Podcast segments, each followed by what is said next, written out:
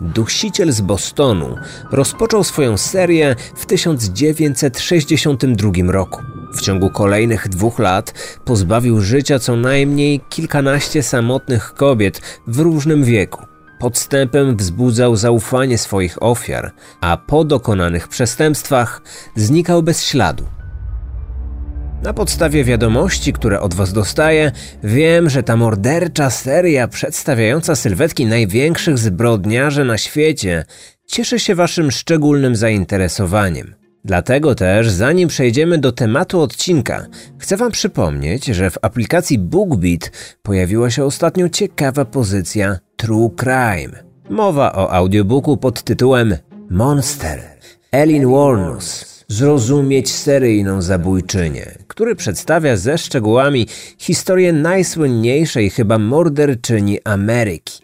Tak, to właśnie na podstawie życia tej kobiety blisko 20 lat temu powstał film Monster, o którym zapewne słyszeliście.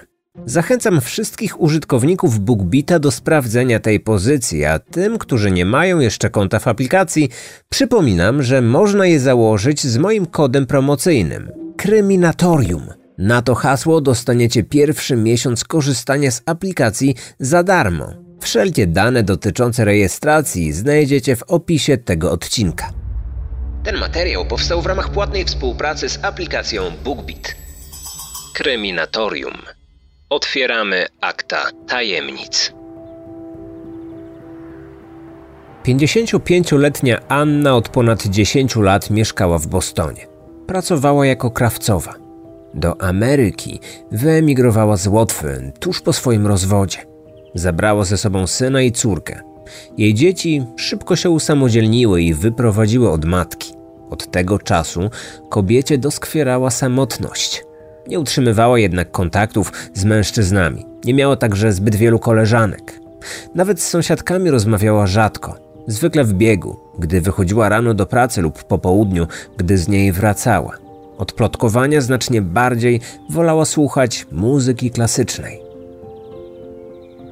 Niemal każdą wolną chwilę Anna spędzała w swoim mieszkaniu, na trzecim piętrze taniej ceglanej kamienicy, wybudowanej zaledwie kilkaset metrów od bostońskiego Muzeum Sztuk Pięknych. Do jej cotygodniowej rutyny należało wyjście do pobliskiego kościoła na czwartkowe msze, odprawiane w języku łotewskim.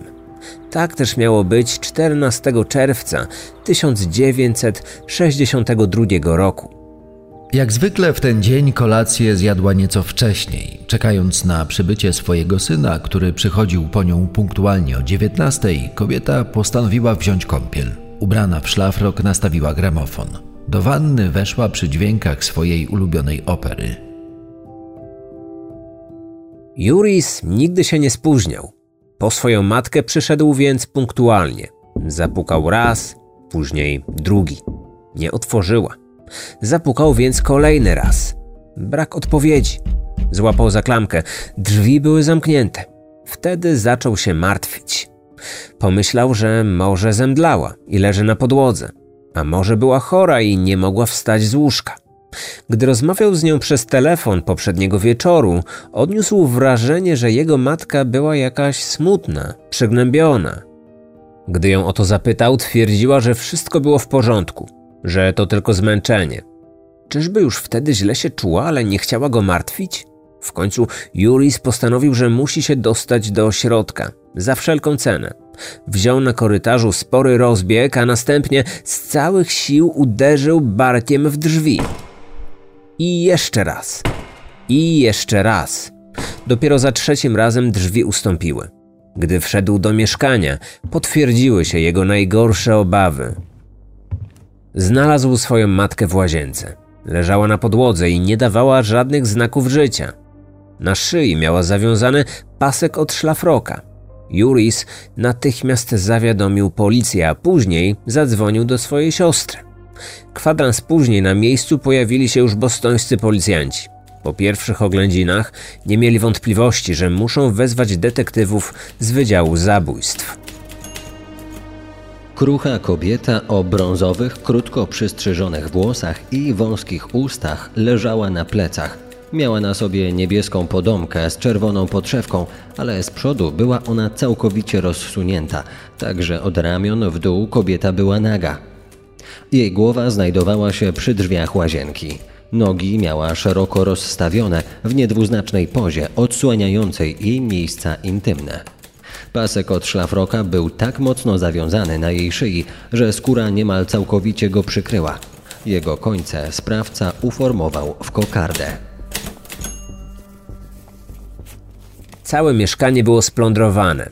Torebka ofiary leżała otwarta tuż przy niej. Jej zawartość została wysypana na podłogę. Podobnie jak wszystko to, co znajdowało się w kuchennym koszu na śmieci. Sprawca wyciągnął też wszystkie szuflady komody w pokoju gościnnym. Jeśli szukał czegoś wartościowego, to na pewno nie chodziło mu o złoty zegarek, pieniądze i złotą oraz srebrną biżuterię. Te przedmioty wciąż leżały na widoku. Detektywi zgodnie uznali, że nie mógł ich nie zauważyć. Sekcja zwłok ujawniła, że tuż przed śmiercią Anna została zgwałcona. Aby tego dokonać, sprawca posłużył się jakimś nieokreślonym przedmiotem, którego policjanci nie znaleźli na miejscu zbrodni. Detektywi uznali, że kobieta padła ofiarą włamywacza, na którego natknęła się, gdy tylko wyszła z łazienki. Kiedy złodziej zobaczył półnagą kobietę w rozsuniętym szlafroku, nie potrafił zapanować nad swoją rządzą. Później zabił, aby uniknąć rozpoznania. Zupełnie przypadkowa ofiara. Tak właśnie na początku myśleli śledczy.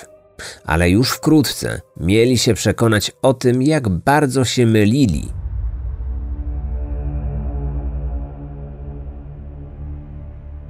Dwa tygodnie później, kilka kilometrów od kamienicy, w której mieszkała Anna, doszło do niemal identycznego zabójstwa. Ofiarą tym razem była 68-letnia Nina, mieszkająca samotnie emerytowana fizjoterapeutka. Tutaj też wyglądało, jakby doszło do włamania. Wszystkie szafki i szuflady były splądrowane, a ich zawartość wyrzucona na podłogę. Jednak zdaniem śledczych z mieszkania ofiary nic nie zginęło. Najbardziej dziwne wydało nam się to, że w jednej z otwartych szuflad wciąż znajdował się bardzo drogi aparat fotograficzny oraz wiele przedmiotów ze srebra. W torebce ofiary nadal były pieniądze, a na jej ręku złoty zegarek. Ustaliliśmy, że po dokonaniu zbrodni sprawca przejrzał książkę adresową zmarłej oraz jej pocztową korespondencję. Ułożenie ciała także wydawało się detektywom znajome. Ninę znaleziono na podłodze. Leżała z rozłożonymi nogami, ubrana jedynie w podomkę i halkę podciągniętą w górę do pasa. Na szyi miała ciasno zawiązaną nylonową pończochę. Z jej końców utworzono kokardę. Lekarz oszacował czas zgonu na 17. Sekcja zwłok wykazała, że krótko przed śmiercią ofiara została brutalnie zgwałcona. Sąsiedzi zeznali, że wdowa nie utrzymywała żadnych kontaktów z mężczyznami. Ich zdaniem Nina nigdy nie pozwoliłaby wejść do swojego mieszkania obcej osobie, a mimo to na drzwiach policjanci nie znaleźli śladów włamania. Oznaczać to mogło tylko jedno: kobieta sama wpuściła do środka swojego zabójcę. Czyżby go znała? A jeśli nie, to z jakiego powodu uznała, że akurat jemu mogła zaufać? Śledczy zaczęli się nad tym zastanawiać. Nie mieli jednak zbyt wiele czasu na te rozmyślanie, ponieważ już dwie godziny później otrzymali kolejne wezwanie. 25 kilometrów dalej, na dalekich przedmieściach Bostonu, w bardzo podobny sposób zginęła kolejna starsza kobieta. Helen miała 65 lat i była rozwódką. Wcześniej pracowała jako pielęgniarka. Teraz cieszyła się zasłużoną emeryturą. Lekarz określił jej czas śmierci na 20. Została uduszona pończochą zawiązaną w kokardę. Na nią sprawca owinął biustonosz ofiary. Znaleziono ją leżącą nago z rozłożonymi nogami we własnym łóżku. Obrażenia zewnętrzne wyraźnie wskazywały na dokonanie bardzo brutalnego gwałtu, Całe jej mieszkanie zostało splądrowane. Zabójca bezskutecznie próbował również otworzyć metalowy sejf. Nie było śladów włamania, więc policjanci założyli, że podobnie jak inne ofiary, kobieta sama wpuściła do środka swojego oprawcę. Ale była też jedna różnica. W toku śledztwa ustalono, że w przeciwieństwie do poprzednich napadów, tym razem sprawca zabrał coś z mieszkania. Zdaniem dzieci Helen zniknęły dwa wielkie pierścionki z brylantami, z którymi emerytka nigdy się nie rozstawała. Detektywi długo się bronili przed taką myślą, ale w końcu musieli przyznać, że w mieście grasuje seryjny zabójca starszych, samotnych kobiet. Informacje o tym natychmiast przedostały się do prasy. Dziennikarze nazywali tego tajemniczego sprawcę dusicielem z Bostonu. Wśród mieszkanek miasta wybuchła ogromna panika. Policja z jednej strony próbowała uspokoić opinię publiczną, ale z drugiej postanowiła za pośrednictwem mediów ostrzec kobiety przed niebezpiecznym mordercą. Komisarz McNamara z Wydziału Zabójstw zaapelował do kobiet, aby zamykały drzwi do swoich mieszkań. Zwrócił się również z prośbą, żeby pod żadnym pozorem nie wpuszczały do środka obcych mężczyzn. Zakomunikował, że znalezione ofiary same otworzyły drzwi przed dusicielem. Mówił również, że nawet gdy do drzwi zapuka umundurowany policjant, powinno się zażądać okazania przez niego stosownej odznaki i legitymacji. Sprawdziliśmy wszystkich mężczyzn, którzy zostali wcześniej skazani za przestępstwa seksualne. Przeglądaliśmy także akta agresywnych pacjentów szpitala psychiatrycznego. Zwracaliśmy naszą uwagę głównie na tych, u których lekarze stwierdzili silną nienawiść do własnych matek lub babć, ponieważ założyliśmy, że wybór takich, a nie innych ofiar może mieć z tym związek. Na prośbę szefa policji stanowej agenci FBI zorganizowali specjalne szkolenie dla 50 detektywów biorących udział w śledztwie. Uczono ich wszystkiego na temat przestępstw seksualnych oraz sposobów działania takiego rodzaju sprawców. Nazywano go zabójcą wielokrotnym, ponieważ wtedy nie istniało jeszcze pojęcie seryjne. Śledztwo trwało w najlepsze, ale kolejne sprawdzane wskazówki, tropy i donosy od anonimowych mieszkańców okazywały się fałszywe. Wytypowano kilku potencjalnych podejrzanych, ale wszyscy mieli mocne alibi. Śledczy raz za razem obijali się od ściany. Tymczasem w mieście ginęły kolejne kobiety.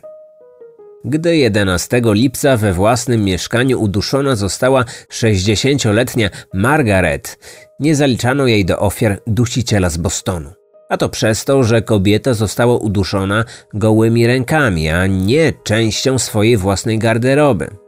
Nie została również zgwałcona.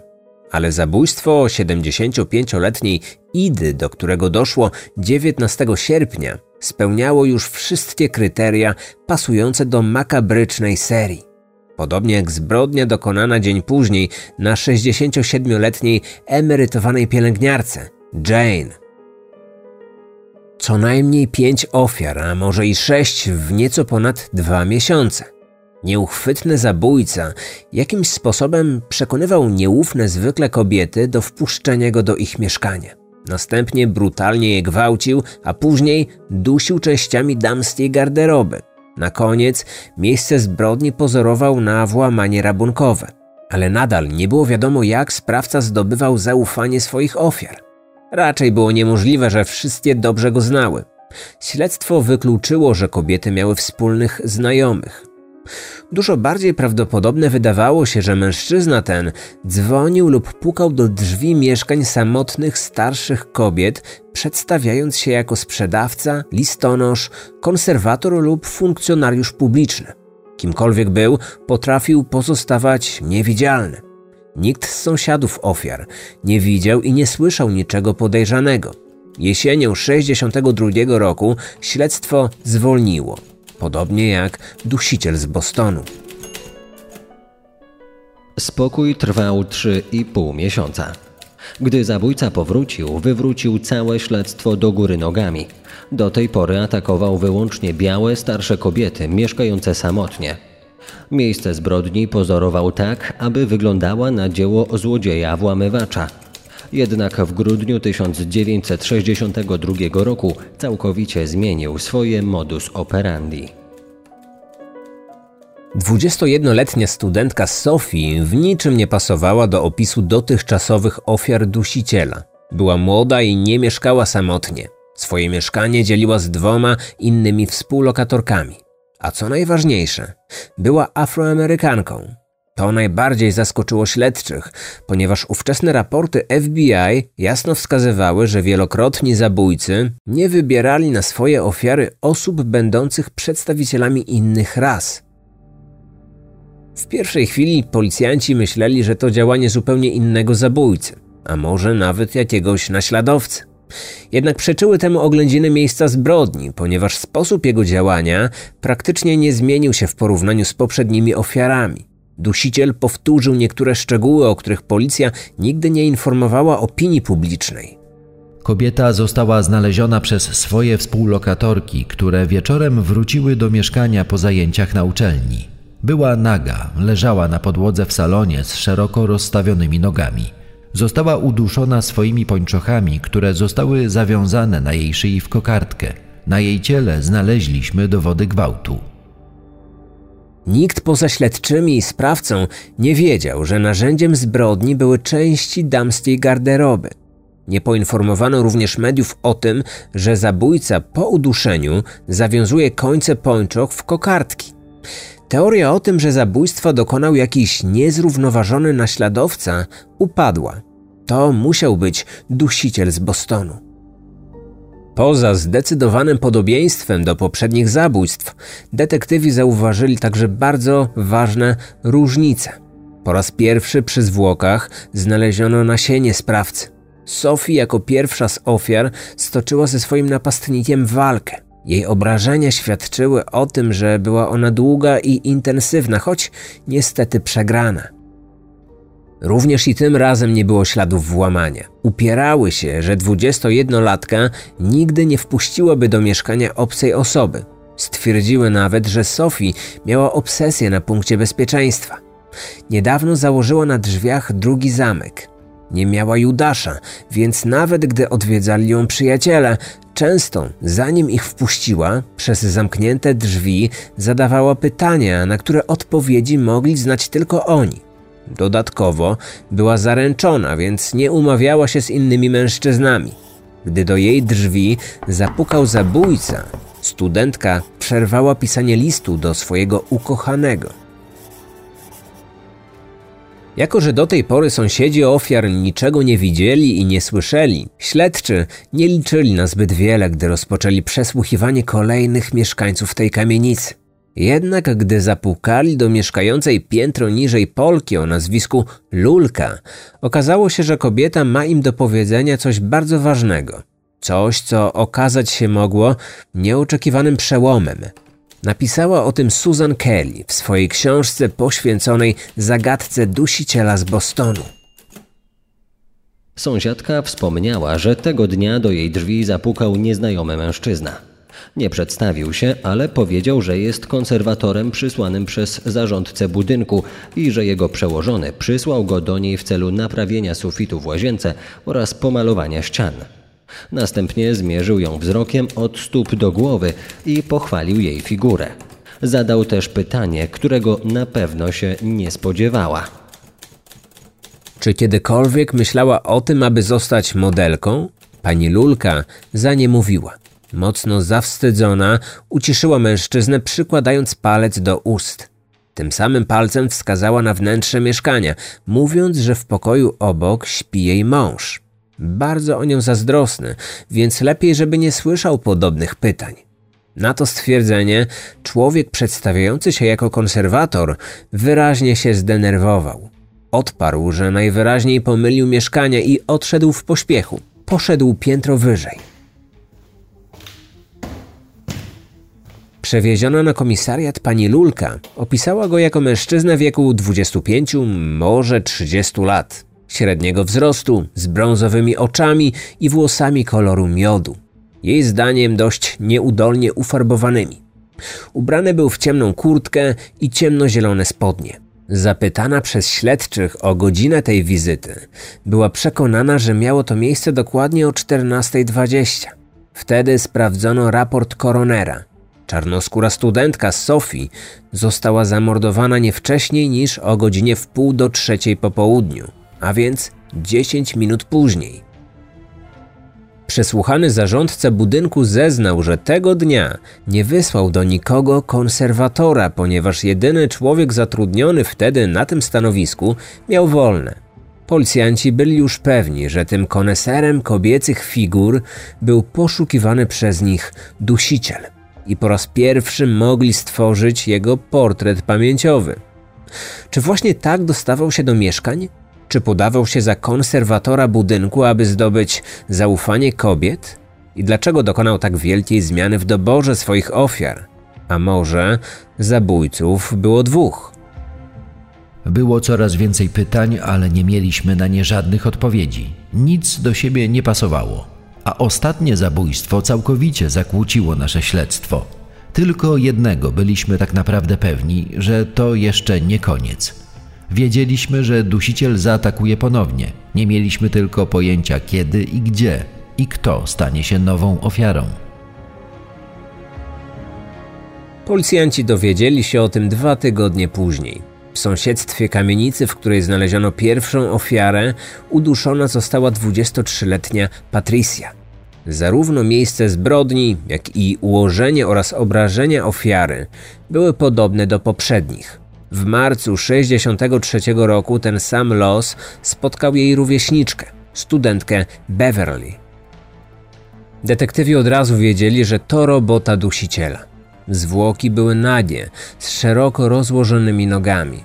Na szyi pończocha zawiązana w kokardę. Ale była jedna zasadnicza różnica.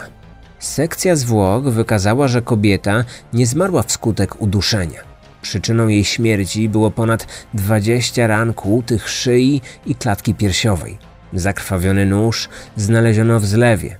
Bez odcisków palców, bez żadnych śladów sprawcy. Detektywi z Wydziału Zabójstw byli sfrustrowani, a opinia publiczna aż kipiała z powodów wściekłości. Nagłówki gazet prowokacyjnie pytały, jak długo jeszcze za nieudolność policji płacić będą swoim życiem niewinne kobiety. Zdesperowani policjanci próbowali wszystkiego. Zdecydowali się nawet na skorzystanie z pomocy jasnowidza. Ten wskazał im, że sprawca wciąż nienawidzi własnej matki, choć ona od dawna nie żyje.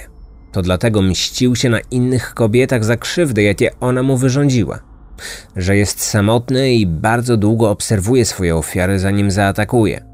Gdy Jasnowic usłyszał, że jego opis jest zbyt podobny do analizy FBI, którą już wcześniej opublikowały gazety, następnego dnia przedstawił im znacznie bardziej szczegółowy opis. Co ciekawe, dotyczący wyglądu dusiciela. Ma kościste dłonie, białobladą skórę, zaczerwienione kostki palców i zapadnięte oczy. Włosy ciemne, zaczesane do tyłu, ma zwyczaj ciągłego odgarniania loka, który nieustannie opada mu na czoło. Brakuje mu jednego zęba w prawym górnym rogu ust. Jest dość wysoki, ale chudy. Ma dwie siostry, z którymi nie utrzymuje żadnego kontaktu. Choć policjanci podchodzili do tej wizji bardzo ostrożnie, wkrótce odnaleźli człowieka, który wydawał się niemal bezbłędnie pasować do opisu jasnowidza. W zasadzie jedyna różnica polegała na tym, że 26-letni Arnold miał tylko jedną siostrę. Jego matka wciąż żyła, a zęba brakowało mu po lewej stronie. Człowiek ten był pacjentem szpitala psychiatrycznego, z którego często uciekał. Jego IQ nie przekraczało 70. Bardziej przypominał duże dziecko niż zabójcę. Ale gdy pokazano jego zdjęcie jasnowidzowi, ten od razu potwierdził, że to właśnie jego widział w swojej wizji. To było obiecujące, ale szybko pojawiły się znaki zapytania. Arnold przeszedł test na wykrywaczu kłamstwa, a w czasie ataków na kobiety przebywał na oddziale. Jeśli to nie on był dusicielem, to dlaczego opis jasnowidza tak bardzo pasował? Odpowiedź leżała w szpitalnej księdze gości. Jasnowic często go odwiedzał na oddziale, ponieważ Arnold był jego dawnym kolegą. Wskazując na niego, chciał zyskać reputację skutecznego medium, a przy okazji zdobyć nagrodę pieniężną, którą władze miasta kilka dni wcześniej wyznaczyły za pomoc w schwytaniu zabójcy. Liczył zapewne na to, że chory psychicznie młody człowiek przyzna się do wszystkich zbrodni, Za ten numer Jasnowic wylądował za kratkami, za utrudnianie śledztwa. Tymczasem w niemal identyczny sposób ginęły kolejne kobiety. We wrześniu 1963 roku własną pończochą uduszona została 58-letnia rozwódka. W listopadzie 23-letnia kobieta. Obie zostały przed śmiercią brutalnie zgwałcone. Po tym drugim zabójstwie znów pojawiło się światło w policyjnym tunelu. Był świadek. Może nie samego zabójstwa, ale obecności dziwnie zachowującego się nieznanego mężczyzny. Sąsiad 23-letniej kobiety zeznał, że około godziny w pół do czwartej po południu usłyszał głośne kroki na korytarzu. Jego żona właśnie czytała w gazecie artykuł o dusicielu, więc wystraszyła się. Kazała mu wyjść i sprawdzić, czy przypadkiem nie jest to ten potwór opisywany przez dziennikarzy. Gdy otworzył drzwi, człowiek ten właśnie pukał do mieszkania naprzeciwko. Miał nie więcej niż 27 lat i mocno wyżelowane włosy. Ubrany był w ciemnozielone spodnie, ciemną koszulę i kurtkę. Nagle odwrócił się i zapytał, czy tu mieszka Joanna? Błędnie wymawiając imię 23-latki. Sąsiadowi nie wydało się to jednak podejrzane, więc odpowiedział, że dziewczyna, której szuka, mieszka piętro niżej. Mężczyzna odszedł, a chwilę później sąsiad usłyszał pukanie dochodzące z poniższego piętra. Wtedy drzwi się otworzyły i od razu zamknęły. Kobieta bez żadnego słowa wpuściła tego człowieka do środka. Gdy kwadrans później zadzwonił do niej jej brat, nie odebrała telefonu. Byliśmy przekonani, że była już wtedy martwa. Musieliśmy zapisać na naszej ściennej tablicy jedenaste nazwisko. Kolejnym etapem trudnego śledztwa było utworzenie specjalnej grupy zadaniowej. Oczywiście media skrytykowały ten fakt, że zdecydowano się na to zbyt późno, przez co stracono cenny czas. Tym bardziej, że w ten sam dzień życie straciła dwunasta już ofiara nieuchwytnego zabójcy, dziewiętnastoletnia Mary. Tak czy inaczej, detektywi z grupy o nazwie Biuro Dusiciela natychmiast wzięli się do pracy. Jeszcze raz przeanalizowali wszystkie dowody, przestudiowali uważnie zeznania świadków, wnikliwie wertowali akta starych spraw, w których dochodziło do włamań i gwałtów. Wtedy natrafili na dziwną serię bostońskich przestępstw z końca lat 50. Pewien mężczyzna pukał do drzwi mieszkań samotnych młodych kobiet. Przedstawiał się jako pan Johnson, pracownik agencji dla modelek. Każdej ze swoich ofiar mówił to samo, że jej nazwisko dał mu ktoś, kto uważał, że właśnie ta kobieta byłaby idealną modelką do sesji w sukniach wieczorowych. Za sesję oferował zapłatę w wysokości ówczesnej pensji miesięcznej. Udało mu się przekonać bardzo wiele kobiet, które wyraźnie zainteresowane taką ofertą wpuszczały tego mężczyznę do środka. Po wejściu człowiek ten wyciągał swoją miarkę i za pozwoleniem kobiet dokładnie je mierzył. Interesowały go głównie okolice klatki piersiowej i miejsca poniżej talii. Często przepraszał za to, że niechcący dotykał w trakcie pomiarów kobiecych miejsc intymnych. Później znikał, obiecując, że wróci, gdy tylko agencja uzna jej wymiary za odpowiednie. Ale nigdy nie wracał. Część kobiet postanowiło wtedy osobiście skontaktować się z tą agencją. Wtedy okazywało się, że taka agencja nigdy nie istniała. Policja zaczęła otrzymywać coraz więcej zgłoszeń o dziwnym mężczyźnie, który pod pretekstem poszukiwania modelek dokonywał pomiarów kobiet. Zakwalifikowano to jako przestępstwa o charakterze seksualnym. Rozpoczęło się śledztwo, w trakcie którego sprawca został nazwany człowiekiem miarką. 17 marca 1961 roku policja złapała na gorącym uczynku młodego mężczyznę próbującego włamać się do jednego z domów na przedmieściach Bostonu. Przyznał się on nie tylko do tego, że jest działającym od kilku lat włamywaczem, ale także do tego, że jest słynnym człowiekiem miarką. Mężczyzna ten nazywał się Albert de Salvo. 29-latek miał już na swoim koncie wiele wybryków za kradzieże i włamania. Stanął przed sądem, gdzie tłumaczył się, że te pomiary były tylko jego zemstą na przedstawicielkach wyższej klasy społecznej. On sam był biedny i nie miał nic. One pochodziły z bogatych rodzin, dlatego dawał im nauczkę. Jak sam zeznał, wykiwał je wszystkie i przechytrzył. De Salvo miał żonę oraz dwójkę dzieci i był jedynym żywicielem rodziny, więc sąd potraktował go dość łagodnie. Trafił do więzienia zaledwie na półtora roku. Wyszedł w kwietniu 62 roku, niespełna dwa miesiące przed pierwszym zabójstwem dokonanym przez dusiciela z Bostonu. Detektywi z biura dusiciela zainteresowali się nim, ale nic nie wskazywało, że ten oszust i złodziej może być zabójcą. Celem De Salvo były wyłącznie młode kobiety. Kradł, ale nie gwałcił i nie zabijał. Tymczasem dusiciel z Bostonu postępował dokładnie na odwrót. Trop ten wydawał się więc kolejnym ślepym zaułkiem.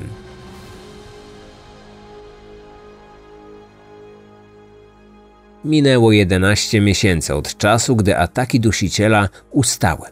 Co prawda, po zabójstwie 19-letniej Mary odnotowano w Bostonie co najmniej kilkanaście zabójstw kobiet dokonanych podczas włamań do ich mieszkań, ale żadne z nich nie przypominało modus operandi dusiciela.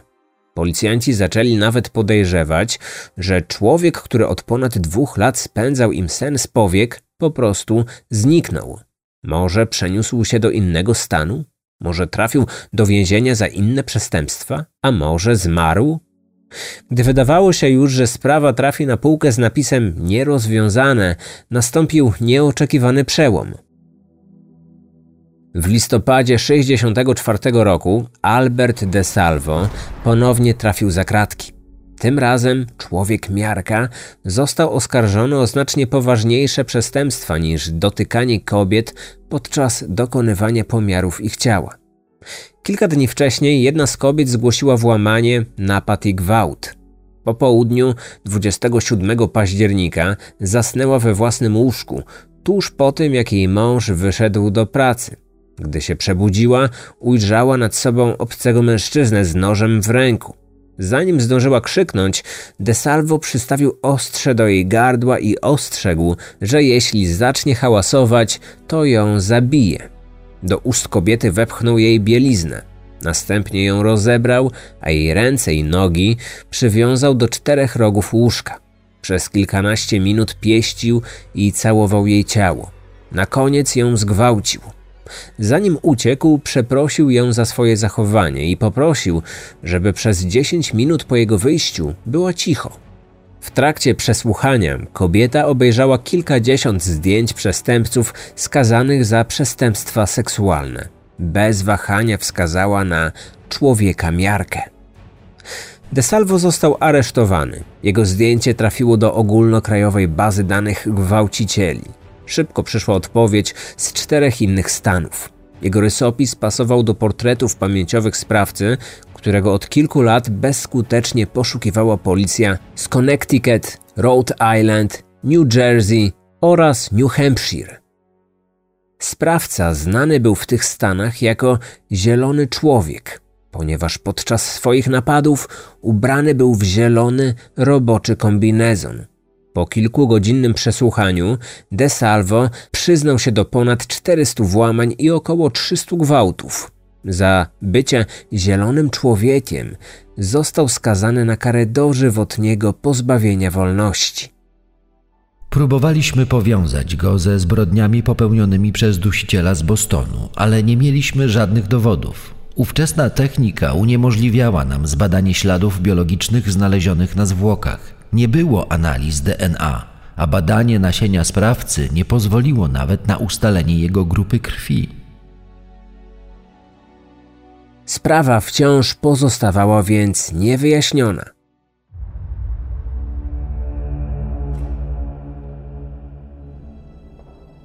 Trzy miesiące później do celi de Salvo trafił inny więzień.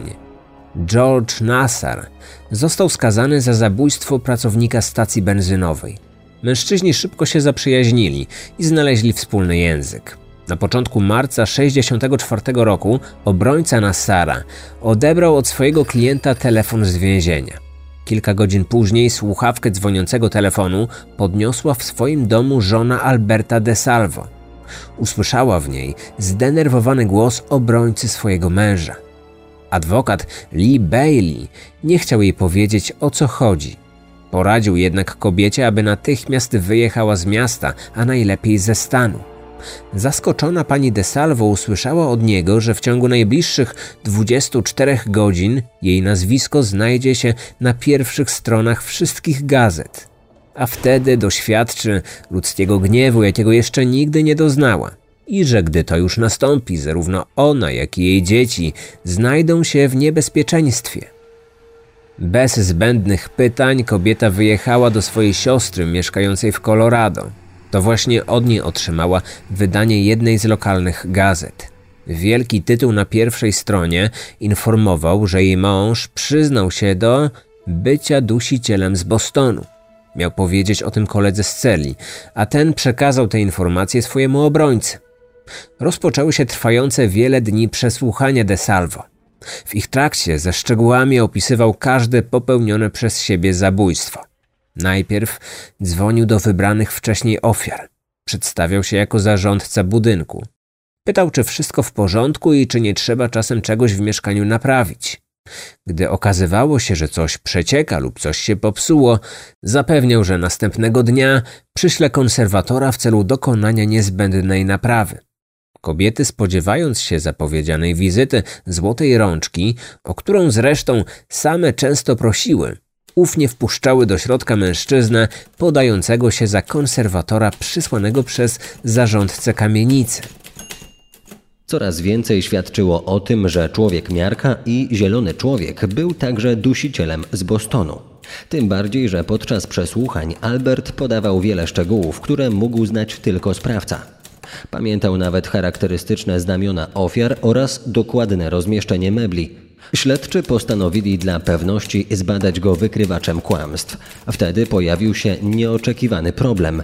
Okazało się, że podejrzany kłamie, twierdząc, że jest poszukiwanym dusicielem. Do więzienia sprowadzono świadka, pani Lulka, której figurę pochwalił nieznajomy mężczyzna o włosach w kolorze miodu, siedziała w pokoju odwiedzin z detektywami. Nagle do pomieszczenia wprowadzono Alberta, Kobieta spojrzała na niego i w ogóle nie zareagowała. Była zdziwiona, gdy w końcu zapytano ją, czy rozpoznaje tego mężczyznę. Nie znała go. Nigdy wcześniej go nie widziała. Z pewnością zapamiętałaby jego charakterystyczny duży nos i odstające uszy. Wychodząc z pokoju minęła więziennego strażnika. Prowadził jednego z więźniów na spotkanie z pracownikiem socjalnym. Pani Lulka spojrzała w jego stronę i poczuła paraliżujący strach. Następnie powiedziała detektywom, że to właśnie on zapukał tamtego domu do jej drzwi, tylko że wtedy miał inny kolor włosów. Ale wszędzie poznałaby jego groźne spojrzenie. Śledczy poprosili o dane tego więźnia. Był nim George Nassar, kolega z celi de Salvo. Nie uwierzyli jej. Byli przekonani, że pani Lulka się pomyliła. Nasar nie mógł być dusicielem, bo mieli już innego winnego. Przecież De Salvo sam się przyznał. Dodatkowo znał szczegóły, o których mógł wiedzieć tylko zabójca. Jednak poza jego własnym przyznaniem, prokuratura nie dysponowała jakimikolwiek dowodami. Uznano, że rozpoczęcie procesu mogło nie tylko wykazać wszystkie błędy popełnione podczas śledztwa, ale także ujawnić wiele zaniedbań podczas zabezpieczania miejsc zbrodni. Bezskutecznie próbowano znaleźć mocne dowody jego winy. Prokurator stwierdził, że skoro i tak De Salvo odsiaduje wyrok do żywocia, to nie ma sensu się spieszyć z rozpoczęciem nowej rozprawy. Opinia publiczna miała swojego dusiciela. Po jego zatrzymaniu podobne zbrodnie ustały. Wszyscy byli zadowoleni. Nawet De Salvo, który nagle stał się celebrytą. Był dumny, że pisały o nim wszystkie gazety. Zawsze marzył o sławie i w końcu jego marzenie się spełniło. W roku 1973 jego zachowanie bardzo się zmieniło. Poprosił naczelnika więzienia o przeniesienie go na oddział szpitalny. Twierdził, że ktoś chce go zabić. Na pytanie dlaczego Odpowiedział, że wie o czymś, co mogłoby zawstydzić całą policję, że gdy prawda o tym wyjdzie na jaw, to i tak nikt w nią nie uwierzy. 25 listopada De Salvo zadzwonił z więzienia do swojego obrońcy. Poprosił o pilne spotkanie następnego dnia. Miał mu coś bardzo ważnego do powiedzenia. Jakiś największy sekret, który wszystko zmieni. Zaintrygowany Lee Bailey pojawił się w więzieniu następnego ranka. Do pokoju odwiedzin nie wszedł jednak jego klient, a sam naczelnik i oznajmił zaskoczonemu adwokatowi, że De Salvo nie żyje, że kilka godzin wcześniej został zamordowany w swojej własnej celi. Oficjalnie jego śmierć była spowodowana handlem narkotykami wewnątrz więzienia, które Albert miał rozprowadzać za połowę ceny. Dlatego został zabity przez innego więźnia, który chciał się pozbyć konkurencji. Nie wiadomo, co chciał przekazać swojemu prawnikowi. Ten sekret zabrał ze sobą do grobu. Po jego śmierci pojawiły się głosy wątpiące w to, że był on dusicielem. Nawet niektórzy policjanci zaczęli skłaniać się do tego, że tak naprawdę dusicieli mogło być kilku. I niekoniecznie jednym z nich musiał być De Salvo. W jego winę nie wierzyła również pisarka Susan Kelly, która jako pierwsza osoba cywilna otrzymała w roku 81 zgodę na zapoznanie się ze stenogramami przesłuchania i przyznanie się De Salvo. W swojej książce autorka przedstawiła wszystkie wątpliwości. Wskazała, że tak naprawdę De Salvo zbyt często się mylił w kluczowych kwestiach, że przesłuchujący go policjanci sami nakierowywali go na prawidłowe odpowiedzi. Na przykład zadając pytania w stylu czy udusiłeś się pończochą, którą wyciągnąłeś z szuflady w komodzie stojącej w sypialni? Lub czy dokonując gwałtu zauważyłeś, że kobieta miała tatie, a tatie znamie na lewym udzie? De Salvo zwykle odpowiadał podobnie. Tak, panie oficerze. Tak właśnie było. Czy stąd wzięła się znajomość wszystkich szczegółów zbrodni, o których mógł wiedzieć tylko sprawca? Być może, ale Susan zaproponowała jeszcze jedno wyjaśnienie. Jej zdaniem prawdziwym dusicielem mógł być George Nassar. I to od niego o tych zbrodniach dowiedział się De Salvo. Poza tym wspólnie mieli ułożyć pewien plan. Albert przyznałby się do bycia dusicielem, a Nassar otrzymałby dużą nagrodę za wskazanie zabójcy. Zachowałby dla siebie jedynie niewielką część pieniędzy, a resztę przekazał żonie i dzieciom Alberta. De Salvo miał uznać, że i tak nie ma nic do stracenia, bo nigdy nie wyjdzie na wolność, a mógł w ten sposób pomóc finansowo i zabezpieczyć rodzinę. Gdy w roku 73 okazało się, że ich plan się nie powiódł, bo Nassar żadnej nagrody nigdy nie otrzymał, De Salvo zaczął opowiadać w więzieniu, że to nie on jest prawdziwym dusicielem. Kiedy prawdziwy zabójca dowiedział się, że Albert zamierza ujawnić ten sekret publicznie, postanowił za wszelką cenę go uciszyć. Mordercą Da Salvo miał być inny więzień, przyjaciel Nasara, który przekupił jednego ze strażników, aby ten, niechcący, zostawił na noc otwartą celę Alberta. Czy tak mogło być? Zdania od wielu lat na ten temat są podzielone. Niektórzy wciąż uważają De Salvo za dusiciela z Bostonu, inni wątpią w jego winę. Prawdą jest, że nigdy nie znaleziono żadnych fizycznych dowodów mogących potwierdzić jedną lub drugą teorię. Po latach sprawę definitywnie miał rozwiązać testy DNA. W roku 2000 ekshumowano ciało ostatniej ofiary dusiciela, 19-letniej Mary. Ekspertom udało się znaleźć na jej szczątkach niewielkie ślady nasienia sprawcy. Rok później ekshumowano ciało Alberta. Badania genetyczne wykazały, że nasienie z całą pewnością nie należało do De Salvo. Zarówno rodzina Mary, jak i syn Alberta byli zgodni. Jeśli nie popełnił on ostatniego przestępstwa, nie mógł też popełnić wcześniejszych. Departament Policji w Bostonie nie chciał przyjąć do wiadomości takiego rozwiązania tej sprawy. 12 lat później badania powtórzono, tym razem z użyciem znacznie bardziej zaawansowanej technologii. Wyniki badań okazały się wtedy zupełnie inne. DNA de Salvo było zgodne z DNA sprawcy znalezionym na szczątkach Mary. 19 lipca 2013 roku prokurator stanowy ogłosił, że dusicielem z Bostonu na pewno był Albert de Salvo. I choć nie wszyscy w to dziś wierzą, jest to na razie oficjalne zakończenie tej sprawy. Przynajmniej do czasu następnych badań, bo syn Alberta wciąż walczy o to, aby jego ojciec został oczyszczony z zarzutu dokonania kilkunastu zabójstw. Bo jak przyznaje, może był on złodziejem i oszustem, ale na pewno nie był mordercą.